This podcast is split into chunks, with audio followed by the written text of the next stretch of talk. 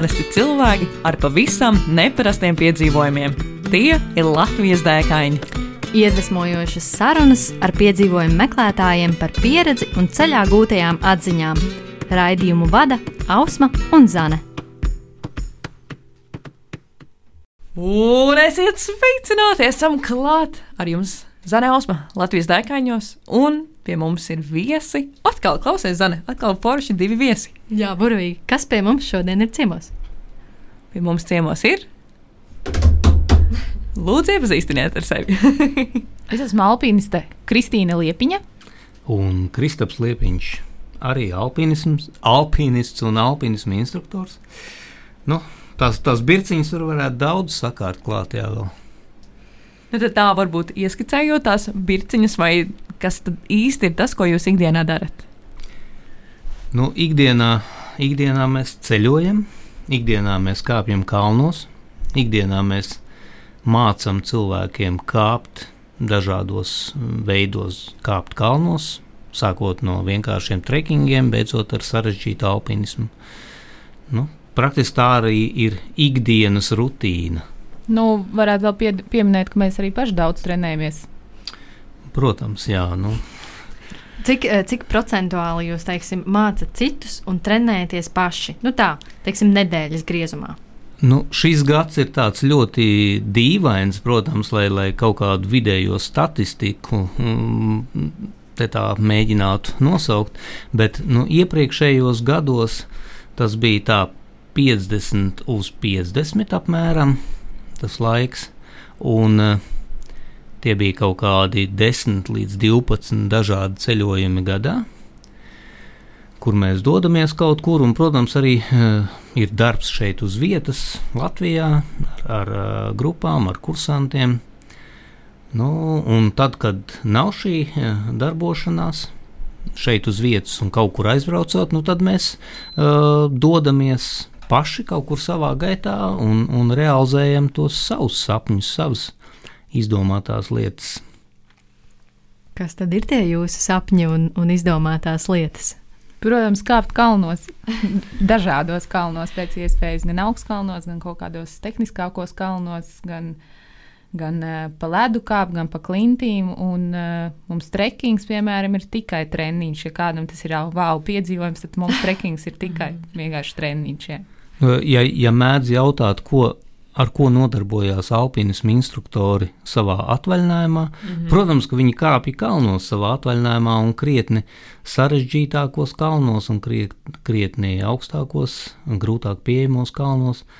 Tā kā tie vieglie projekti eh, kopā ar, ar kursantiem, klientiem uh, ir, ir tie vienkāršie bieži vien. Nu, tad, uh, Tad, kad ir tas brīvais laiks, tad ir laiks kaut kam interesantākam un sarežģītākam. Un ne tikai sarežģītākam, arī iepazīt uh, pasaules kalnu rajonus, lai pēc tam kursantiem varētu pastāstīt, kāds ir katra kalnu rajona raksturs, uh, kur ir labākā sezona.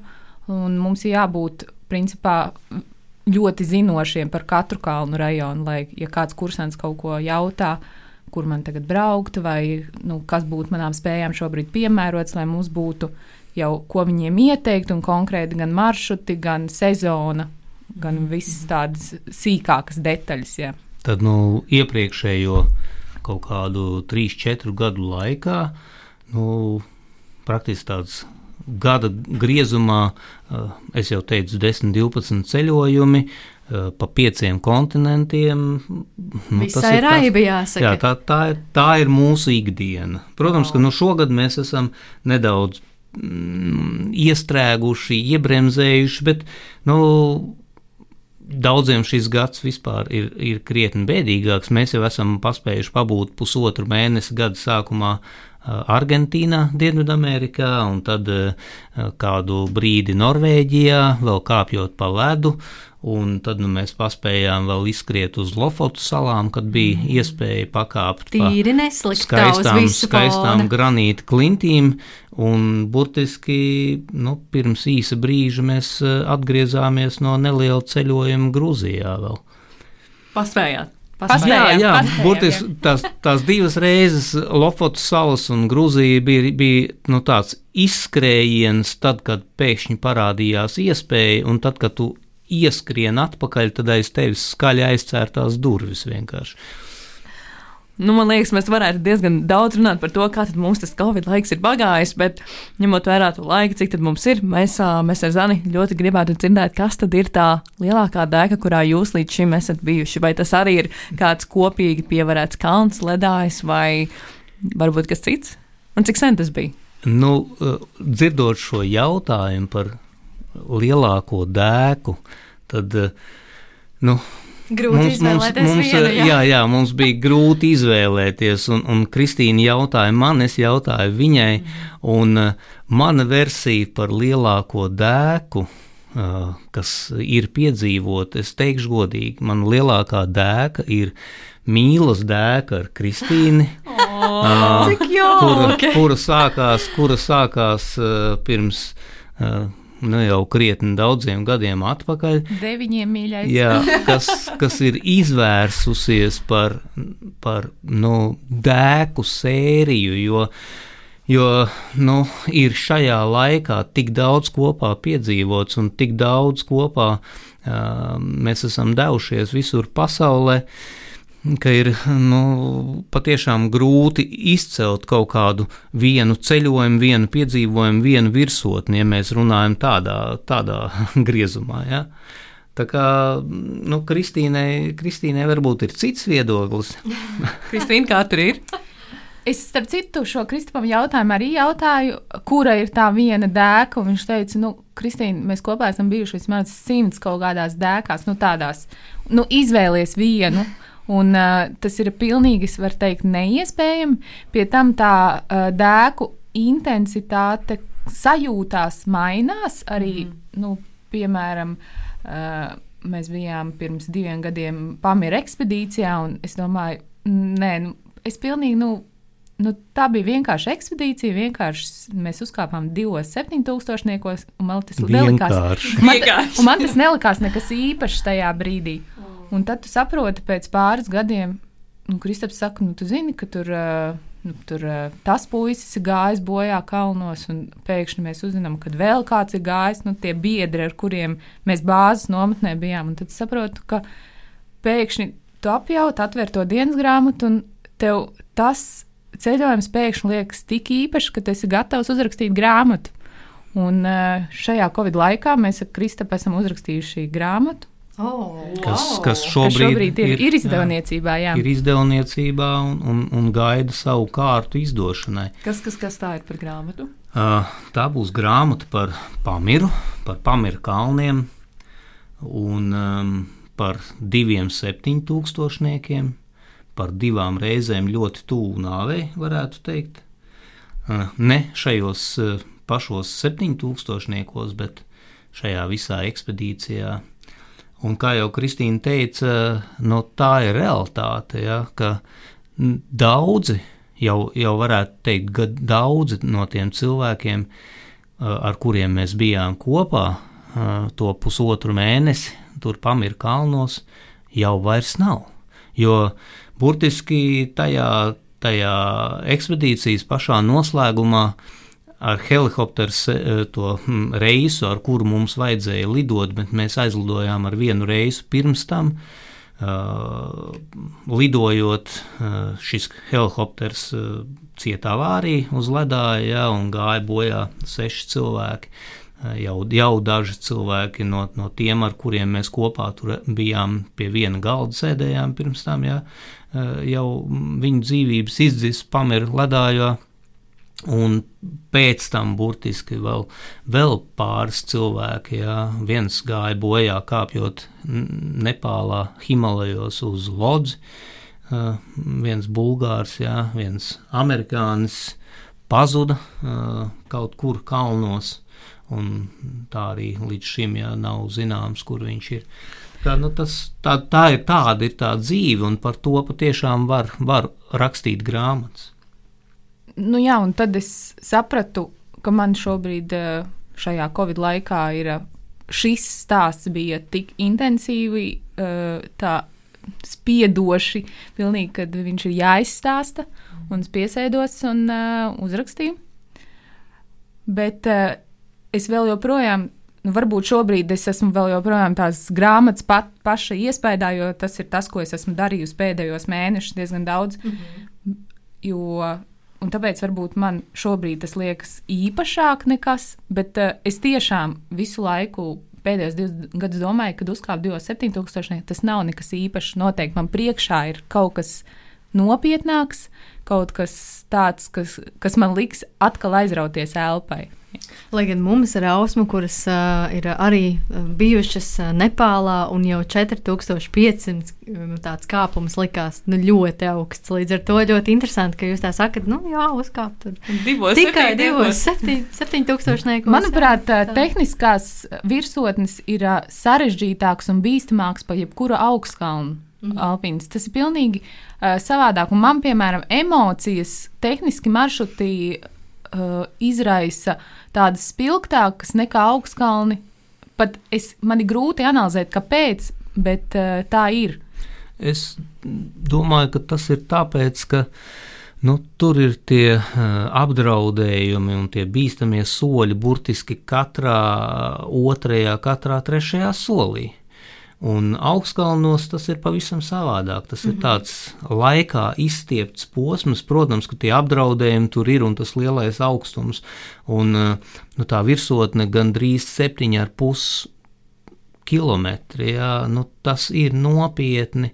Tajā pašā laikā nopietni ir arī kāpa pa vertikālu sienu, kurā īsti nevar to drošināšanu noorganizēt, jā, vai, vai kāpt pa ledus sienu vertikāli, kā mēs to darījām februārī Norvēģijā, ja, kur ir nu, vairāki simti metri vertikāls ledus vai, vai pa klintīm. Tā kā šie uh, piedzīvojumi ir pilnīgi atšķirīgi. Un, un viņi grūti padodas kaut kādam salīdzinājumam. Mm -hmm tad nu, tas materiāls par grām, grāmatu rakstīšanai viņš ir diezgan plašs. Mm -hmm. Ja jūs jautājat par vienu, par vienu spilgtāko piedzīvojumu, par vienu spilgtāko dēku, par kuru, tas, nu, es, manā izpratnē tas ir tā, par kuru tad rakstam grāmatu. Kurš ir mīļākais jā. bērns ģimenē? jā, mīļākā krāsa vai, vai jā. mīļākais dziedātājs. Jā. Nu, jā. Pēc tam ir kas sajūta jā. kaut kādā ziņā. Uh, Dažiem cilvēkiem, varbūt, kuriem ir mazāk tā pieredze tādos piedzīvojumos, mm. viņiem ir vieglāk izcelt. Viņiem Protams. ir starp dažiem notikušajiem piedzīvojumiem viens visspilgtākais, bet, ja tev ir viņu daudz un visi viņi ir kaut Vienlīdz kādā ziņā svarīgi. spilgti ja, un, un dažādi. Bet, um, ja jāsaka par virzienu, jānorāda, piemēram, virziens spilgtākais, par kuru es šobrīd nu, varu sapņot un domāt, Dienvidamerika, piemēram, šobrīd liekas, ka jā. Mēs iepriekšējo trīs gadu laikā četras reizes bijām Dienvidamerikā, dažādās vietās, Čīlē, Argentīnā, Peru. Un, un nu, tik daudzveidīgi un tik spilgti un tik interesanti. Gan tehniski kāpieni, gan trekingi Patagonijā, gan Atakams augstkalnu tuksnesis, gan Akonkagva, gan Mercedārio dienvidu siena, kas ir 7,5 tūkstoši, ne, 6,5 tūkstoši ja, um, kilometru. Nu, 6,5 tūkstoši metru augstumā virs jūras līmeņa kāpa kilometrīgu tādu pusotru kilometru augstu sniega, sniega ledāja sienu. Ja, tas ir tas ir spilgts piedzīvojums. Ir ceļš jau vēl trīs dienas līdz tai sienai ir jāiet pa ielai, kur vispār praktiski pat takas nav. Ja? Tur tikai saulēs zirgi un, un, un lamas ganās.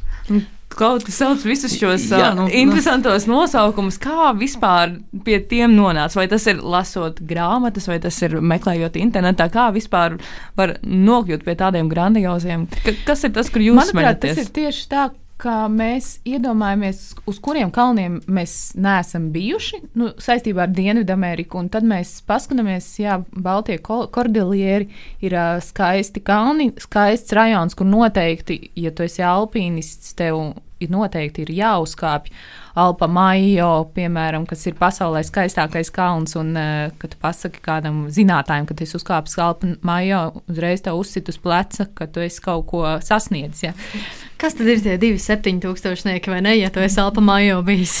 nu, Nu, tas jā, ir- to ir grūti salīdzināt, Jā, jā. to ir grūti Bet, salīdzināt. uh, uh, nu, daudziem cilvēkiem jau arī nekas ne, neko neizsaka īsti no tie uh, atsevišķie uh, virzieni, kā tad tajā kalnā var uzkāpt. Jo var uzkāpt jau kalnā no dažādām pusēm. Mm -hmm. un, piemēram, tajā pašā Akonkagvā, kuras minēju, kas ir uh, Dienvidamerikas un Argentīnas augstākais kalns, nu, lielākoties uh, visi Akonkagvā kāpji klasisko maršrutu. Tā, tā ir tā taciņa, kas tur iet, un viņi ir diezgan praktiski viegli kāpjami, bet uh, nu, mums radās doma, ka mums gribētos uzkāpt tomēr ne pa klasisko ceļu, un tad, tad tu sāc skatīties, kā, kur, eh, kāda ir, kādi ir varianti, jā, un tad tu atrod, hmm, tur ir tāds maršruts vēl, tur ir tāds, nē, šīs laikam būtu pa,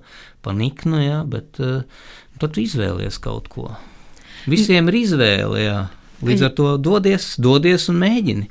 Un Kā, kāda vispār, eh, nu, es pieļauju, ka vairums mūsu klausītāju nu, nezina, kā tas ir kāpt tādos um, kalnos, uh, pa ledus sienām un visādi citādi. Un jāatzīst, ka es jums arī sekoju līdzi sociālajos tīklos, un es jau apmēram zinu to jūsu ikdienu, bet varbūt jūs varat mazliet pastāstīt, uh, nu, kā notiek tā ikdiena kalnos, jo skaidrs, nu, ka tur nav nekādi fancy hotelīši, kur var palikt, nav dušas citreiz, labākajā gadījumā ir kāds akmens, uz kura var, aiz kura var aiziet, uh, tā teikt, nokārtot savas vajadzības. Ja? Varbūt jūs varat mazliet ieskicēt, nu, ar ko ir jārēķinās, kāpjot tādās virsotnēs.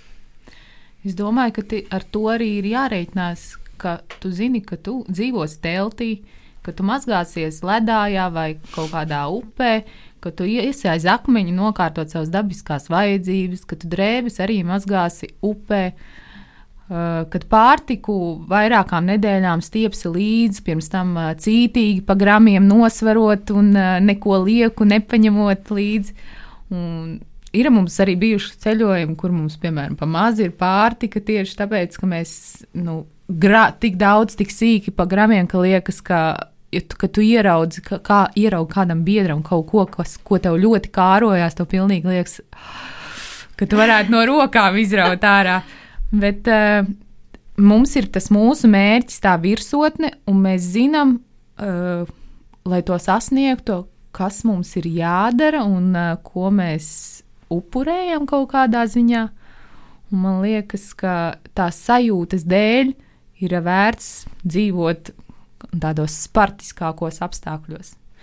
Tas viss, ko Kristīna stāsta, eh, mēs esam centušies arī apkopot visu šo savu pieredzi un, un dažādos veidos mēģinājuši viņu nodot cilvēkiem šeit, Latvijā, mm. latviešu valodā, gan rakstiskā veidā, gan, gan video veidā, video lekcijas, gan, gan nu, sociālajos tīklos var noteikti atrast Instagram, Twitterī, Facebookā, ierakstot kalnu grupu Kristaps un Kristīna Liepiņa. Ja, noteikti atrast, un, un tur ir tik daudz šajos gados tie materiāli vēsture, saveidot, jā, dažādi grāmata sarakstīt. par trekingiem, par alpīnismu, par kliņškāpšanu, par leduskāpšanu, par visu ko. Tas, man ir tāds mīļš vārds - tehnoloģijas. Uh, tehnoloģijas ir krietni vien aprakstītas, un, un ja, vien, ja vien cilvēki pameklē, noteikti to var atrast. Protams, ir arī kaut kāda daļa, ko mēs piedāvājam uh, kā maksas saturu. Ja? Mm -hmm. Mēs piedāvājam, piemēram, šobrīd trekkinga kursu online. Tas ir trīs lekcijas, tie ir papildus materiāli. Nu, lūdzu, nāciet, uh, skatieties. Informācija Jā, būs, kur atrast. Jā, jā. noteikti. Un, un, un, uh, protams, ka tas ir, tas ir arī kaut kāds uh, nu, tāds ļoti plašs informācijas apkopojums, kurā tad pa punktiem ir viss uzskaitīts, kā tad gatavoties, ko vajag no Cik grams ekipējuma, jā, ēdiena vajag tie- vienam Arī cilvēkam? tieši Jā, Tas arī tas, svarīgi. arī tas Cik tad jūs apmēram ņemat līdzi nu, tā vienai dienai, nu, plus mīnus? Tas, tas nav vienai dienai, tas ir apmēram, es zinu, ka, piemēram, pasta vienam mm -hmm. cilvēkam porcija ir 110 grami. Mm -hmm. Un, attiecīgi, jebkurš eh, šis sausais pārtiks produkts, sauc pārslas vai kuskus vai griķu pārslas, es zinu, cik vienam cilvēkam vienai porcijai vajag. Mm -hmm. Un, attiecīgi, pirms ekspedīcijas es to sasveru un salieku uzreiz maisiņos. Jā. Tā nav tā, ka vienai dienai tur vajag, nezinu, tur 500 Jo, gramu. ša, jo šajā ziņā vienmēr pirmais jautājums, kas tiek tāds precizējošais mm. jautājums uzdots, bet kas ir tas, ko jūs gribiet? Kas ir tas, ko jūs vēlieties vispār darīt? Jo, nu, uh, ja jūs dosieties divu dienu tādā glampinga izgājienā Nu, ar, ar, ar, ar pikniku smalki pie, pie ezera uh, krastā, uh, nu, tad tas būs krietni atšķirīgi nekā jūs dosieties uz Grenlandē pa lielo led, ledus cepuri izgājienā uz, uz dienām 10, 15. Nu, Vai, piemēram, tajā pašā Nepālā ir uh, loģis, un tur visu Jā. Ēdienu var dabūt. Tev nav nekas jāstiep līdzi. un Vai tu dodies jārēķina. pilnīgā nekurienē, kā jūs pieminējāt, teiksim, Argentīnā, kur mēs gājām pa to Trīs dienas, jā. Rio Colorado upi trīs dienas, neviena cilvēka, neviena, neviena tur pat taku grūti ir samanīt. Tev viss ir jāstiep līdzi, un tu pat nezini, kā tu tiks atpakaļ. Jo atpakaļ ceļš ir vai nu caur virsotni, vai pa to pašu. Pa to pašu ceļu šurp, pa kuru tu ej, ja, un nemaz vairs negribās tur iet atpakaļ, jo desmit reizes jābrien pāri tādai kalnu upei, kurā ir tāda strauma, kas tevi rauj no kājām nost. Cik vidēji jums ir viena tāda, soma, teiksim, tajā jūsu minētajā Argentīnas pārgājienā, cik uh, sver viena jūsu pārgājiena soma? Uh, man varētu būt ap 20 kg. Kristupam noteikti ir vairāk, mm. -hmm. bet uh, ir piemēram kalnu rajoni, kur mēs. Kirgistānā es zinu, ka vīrieši stiept arī 30 kg. Mm -hmm. Bet vispār uh, dažreiz klausoties uh, cilvēku stāstus, ka viņi tur trekingos stiep 30 kg, es vienmēr apšaubu, jo es zinu, cik ir 30 kg. Jā. Bet, uh, Es vienmēr uh, apšaubu un vēlos uzdot papildus jautājumus. Sasodīts, kas ir tas, ko jūs stiepiet līdzi tur? Jo, ja man ir alpinisma ekspedīcijā, ieskaitot visu ekipējumu drošināšanas, tie 20 un nedaudz pāri. Ja, Nu tad, ko, ko sasodīts var ielikt savā somā, kas ir tik smags? Nē, bet citreiz tā ir. Man liekas, ka tā ir tāda pieredze, kas nāk tomēr ar, ar gadiem, un, ar, un jums tā pieredze ir tāda ļoti pamatīga. Līdz ar to jūs arī esat iemācījušies, ka 110 gramu pastas ir vienam cilvēkam vienai porcijai. jā, un labāk nogriezt apģērbam birks, jo tas arī Tieši tā, jo kalnos Jā. ir ļoti Jā, svarīgi. un labāk ir investēt labā ekipējumā un labā uh, apģērbā.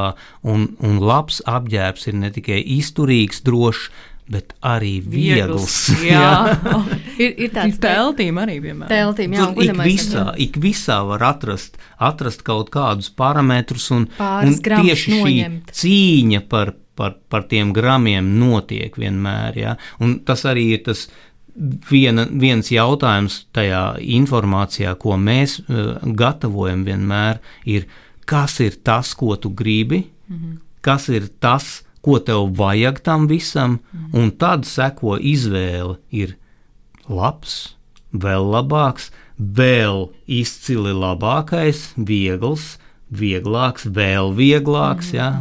nu, tad vienmēr mums ir kaut kādas izvēles. Ir, ir tāds teiciens, ka kalni nepiedod kļūdas. Man šķiet, ka jūs arī bieži vien to esat pieminējuši savā runās, un arī sociālajos tīklos. Man uh, vienkārši tāds personīgs jautājums par to, ka, teiksim, nu, ejot kaut kādu Santiago ceļu vai kādā garākā trekingā vai pārgājienā, Nu, tu tā kā ej, un tu ļoti daudz pārdomā kaut kādas lietas ikdienas dzīvē, vai tu nezini, nonāc pie kaut kādiem atklājumiem, saviem iekšējiem.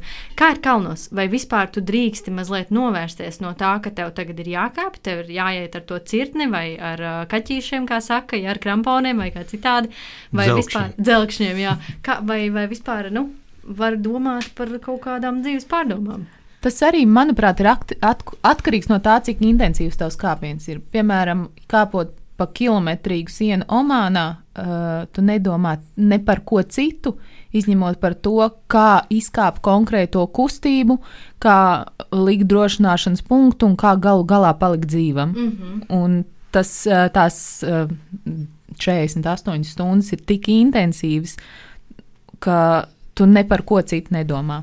Bet, piemēram, kaut kādos garākos, nu, tā pašā, piemēram, kāpjot 7000, kas ir liels augstums, bet ir lieli attālumi un tur lēnām ir ritmiskas tās kustības, tad skaidrs, ka var pārdomāt dzīvi, jā, un kaut, nonākt pie kaut kādiem Zināmā- atklājumiem. Jā, zināmā mērā kāpšana ir tāds ļoti meditācijai tūs uh, process. Mm -hmm. Ir uh, ritmiskas, atkārt, at, tiek atkārtotas kustības, jā, ritmiski, un, uh, nu, piemēram, klintīs vai uz vertikāla ledus tavam prātam ir jābūt tukšam, jo tu koncentrējies uz katru kustību, ne pat uz katru soli, bet tu koncentrējies uz katru kustību, kuru tu veic, vienalga roka, kāja, galva, jā, jo no katras kustības ir atkarīgs tavs līdzsvars un tavs spēja noturēties tajā vietā. Kā jau Kristīna minēja, tādos garākos gājienos tā meditācija ir savādāka. Tu ej pa taku stundām, tu ej viens, nav nekāda čalošana, ja, ka tu varētu ar kādu tur Kaut jāpanīgi runāties uz takas, runāt. jā. bet tu ej, un tev ir solis aiz soļa, un tev ir tā apkārtne, un tev ir tavas domas. Tā kā tie ir divi pilnīgi atšķirīgi meditatīvi procesi. Vienā tu ieej un at, atbrīvo savu prātu un iztukšo pilnībā no visa, un otrā tu uh, esi uh, nu, aplaimots ar iespēju būt šeit, izjust, baudīt, uh, domāt. Arī tas, tas ir brīnišķīgs laiks, iet kalnos stundām ar somu ja, un, un domāt domas. Nu, burvīgi. Un klausoties, jo jūs visu to diezgan plašo stāstu, es pilnīgi saprotu, ka ir grūti izvēlēties vienu to pieredzi, un ka mums pilnīgi dabiski tā saruna aizgāja tiešām par vairākiem kalniem. Bet uh, piezemējoties tomēr Latvijas mērogā un mūsu sarunai virzoties arī jau uz otru pusi, mēs ar Zani un noteikti arī kāds klausītājs ļoti labprāt vēlētos no jums uzzināt, kas tad ir tas, ko jūs ieteiktu piedzīvot Latvijā. Varbūt tas ir kāds treniņš, priekš kāda nākotnes kalna, vai varbūt ir kas cits, ko jūs ieteiktu pamēģināt. Mans ieteikums varbūt būs pilnīgi netipisks alpīnistiem. es ieteiktu jebkuram uh, kal, uh, Latvijā mītošajam cilvēkam, kuram patīk piedzīvotāji, piedzīvojumi uh, ar jūras kajaku aizērēt līdz kolkas bākai. Oh. No kurienes? No, no No kolkas.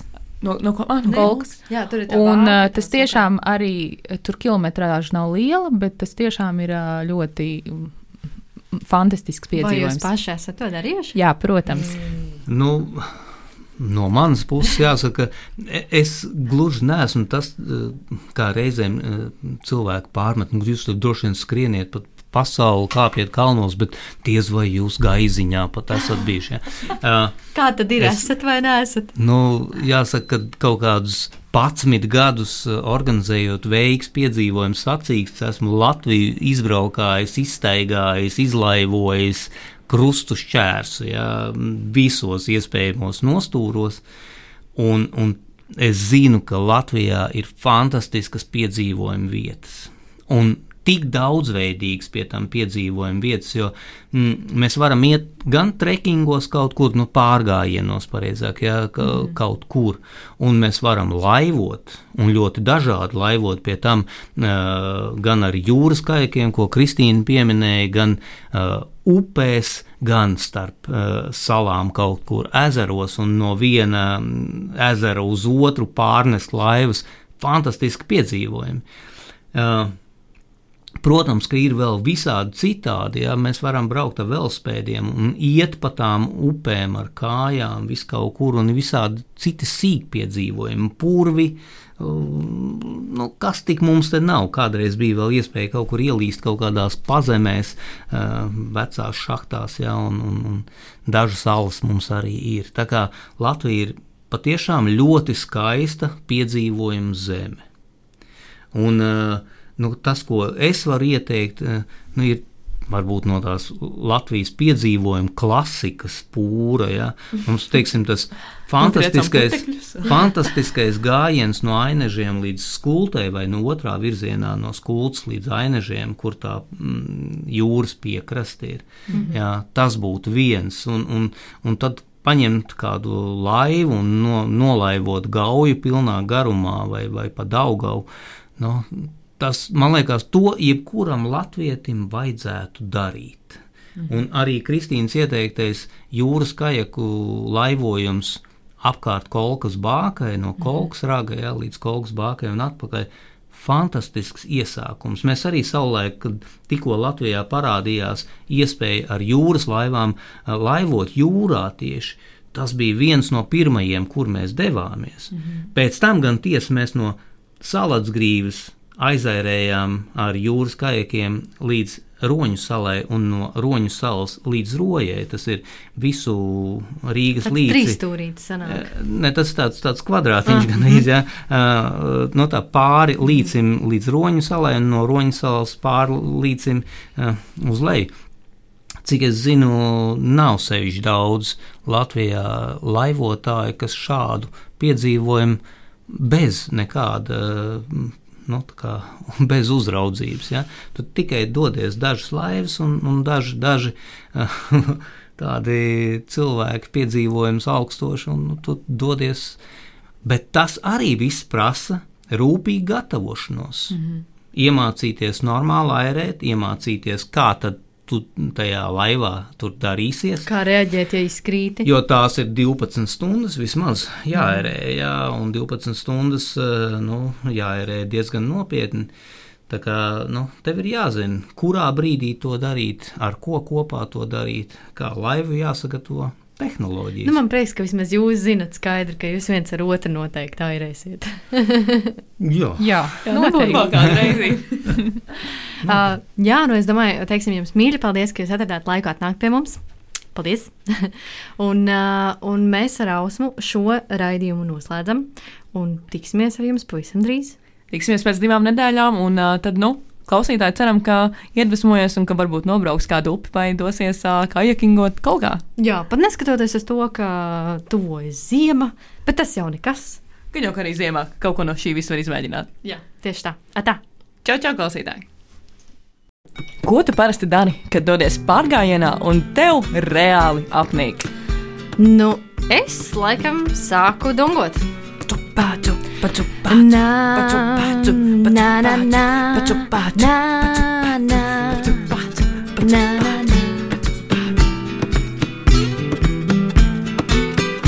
Iedvesmojošas sarunas ar piedzīvojumu meklētājiem, viņu pieredzi un ceļā gūtajām atziņām. Katru otro trešdienu, pulkstens 11. Radio Nabaviļņos. Raidījumu vada Ausma un Zane.